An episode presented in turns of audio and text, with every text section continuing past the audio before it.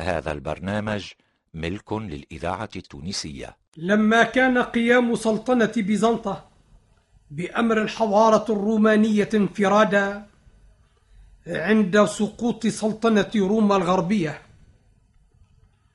قد اعتبر مبدأ عاما لحقبة من التاريخ الإنساني دعيت باسم القرون الوسطى فلا غرابة في أن سقوط السلطنة البيزنطية بذاتها سقوطا مطلقا وعفاء أثرها بتاتا يكون نهاية لتلك الحقبة ومنطلقا جديدا لحركة عمودية من حركات التاريخ الإنساني هي التي ابتدأ منها التاريخ الحديث. وعلى ذلك استقر الاصطلاح المأخوذ به في كتب التاريخ ومناهج الدراسة التاريخية. يعتبرون القرون الوسطى مبتدئة بسقوط سلطنة روما الغربية في القرن الخامس من التاريخ المسيحي ومنتهية عند مبدأ التاريخ الحديث في منتصف القرن الخامس عشر مسيحيا.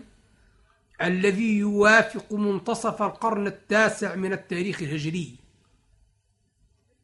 بيد أن كثيرا من أعلام المؤرخين المعاصرين يرون في هذا الحكم تعسفا يصدف به عن التحقيق وتمسكا بالنظر السطحي ينبو عن مقتضى الدراسة العميقة والبحث الدقيق.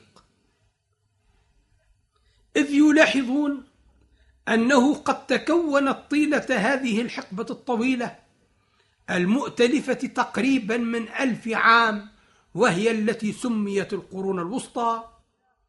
أحداث بعيدة الأثر عميقة الغور كان لها ما بعدها من آثار استمر الانفعال بها ساريا غير منقطع في مراحل التاريخ. فيكون من الغبن لقيمة تلك الأحداث الهامة أن تعتبر مندرجة في حدود تاريخ يعتمد مبدأ ونهاية على تطورات تتصل اتصالا خاصا بالتاريخ الروماني وربما يكون لها من الأثر فيما حولها وما بعدها ما لا يبلغ الأهمية التي كانت لتلك الأحداث المندرجة بين طرفيها المغموطة المغبونة الحق بذلك الاندراج. ولهذا حاول بعض المحققين من كتاب التاريخ أن يقسم القرون الوسطى إلى طورين سمى أولهما أقصى القرون الوسطى. كل ذلك نزولا عند حكم الواقع التاريخي الشاهد بأن من الأحداث التي ظهرت أثناء القرون الوسطى ما هو أجدر بأن يعتبر مبدأ لعصر من عصور التاريخ. وناهيك من ذلك بظهور الإسلام. فقد كان ظهور الإسلام حدثا مس المشرقين والمغربين مساسا اصطبغت بأثره الأحداث. وتأثرت بحكمه الأوضاع في الديانة والسياسة والتشريع والحياة العقلية والحياة الاجتماعية. أفليس من الأجدر أن يعتبر ذلك الحدث فاصلا من فواصل التاريخ تقسم باعتباره القرون الوسطى؟ فيقدر ما قبله من القرون الوسطى قاسيا وما بعده منها دانيا قريبا. بل إن فذا من أفذاذ كتاب التاريخ المعاصرين. قد حمله هذا الاعتبار على نقض الاصطلاح المقرر. فرما بكلمة القرون الوسطى ظهريا واعتبر مراحل التاريخ الكبرى ثلاثة. أولها من مبدأ التاريخ إلى ظهور الإسلام. وثانيها من ظهور الإسلام إلى حركة الإصلاح الديني في أوروبا وثالثها من حركة الإصلاح الديني إلى الزمن الحاضر.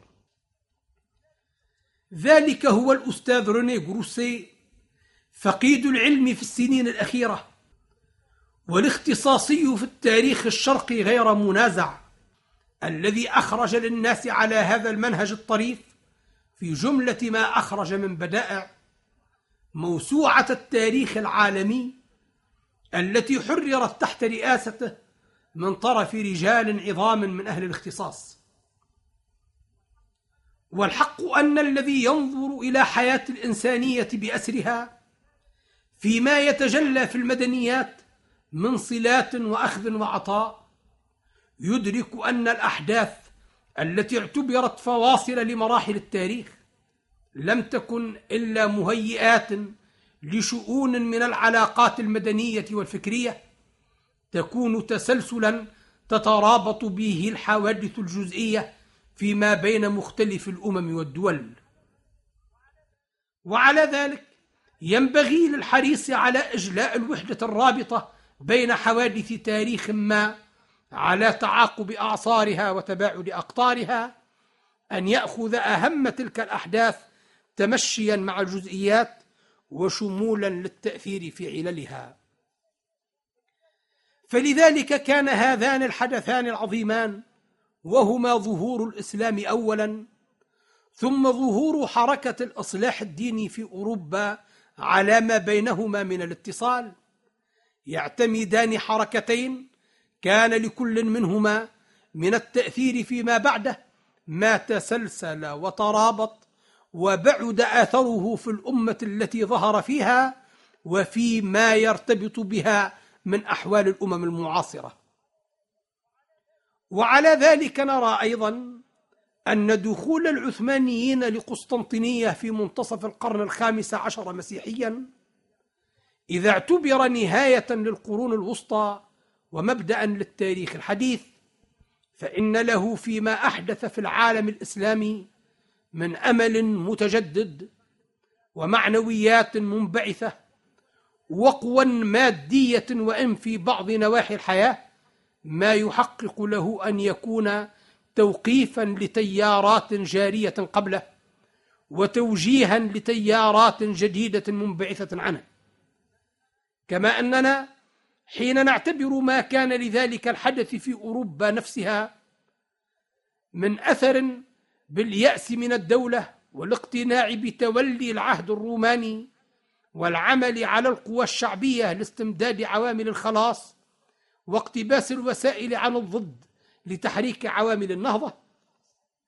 فإننا بعد هذه الملاحظة ذات الوجهين نستطيع أن نهتدي إلى ما بين فتح القسطنطينية وبين انبعاث حركة الإصلاح الديني في أوروبا وتحرك النهضة الفكرية بها من روابط وأن نتصور أن بحثا عن التاريخ الفكري في هذه الحقبة أيا كان القطر المبحوث فيه لا يمكن أن يتخلى عن الارتباط بوجود العثمانيين في أوروبا واستيلائهم على عاصمة بيزنطة. وبالنسبة للبلاد التونسية بصفة خاصة الإذاعة التونسية يكون تاريخها الفكري على ذاكرة الحديث الوطن. مرتكزا أصالة على وضعها في نطاق التاريخ العام.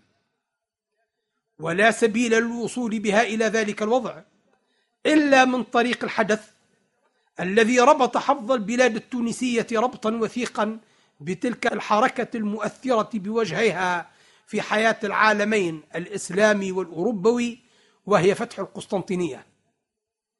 ولذلك ينبغي أن يكون تمهيد الطريق لبحث الحياة الفكرية لتونس في التاريخ الحديث ببيان تسلسل الأحداث بين مبدأ التاريخ الحديث وبين التحاق البلاد التونسية بمحور ذلك المبدأ. إذ نرى أن العثمانيين بمجرد ما تم استيلاؤهم على العاصمة البيزنطية على نجمهم في وسط الهلال الإسلامي. وكان لفتحهم أثر منعش في نفوس المسلمين الذين كانوا يعانون الويلات في الأقطار الأخرى. فتصور ذلك الانتعاش في العالم العربي شرقيه وغربيه بصورة إيجابية دفعت إلى تعلق الوحدة العربية بأسرها بالعثمانيين ليجددوا في عزتهم الإسلامية ملجأ للعروبة المحدقة بها الأخطار. فكانت غزوات العراق وفتح سوريا ومصر والتقدم إلى فتح تونس والجزائر لرد الخطر الإسباني أحداثا متسلسلة وصلت ما بين فتح القسطنطينية واستقرار الحكم العثماني بتونس فجعلت صبغة الحياة النفسية والفكرية لتونس متولدة عن نفس الحركة التي نبع منها التاريخ الحديث بما يتصل به من أسباب ونتائج في عموم مظاهر الحياة الإنسانية بين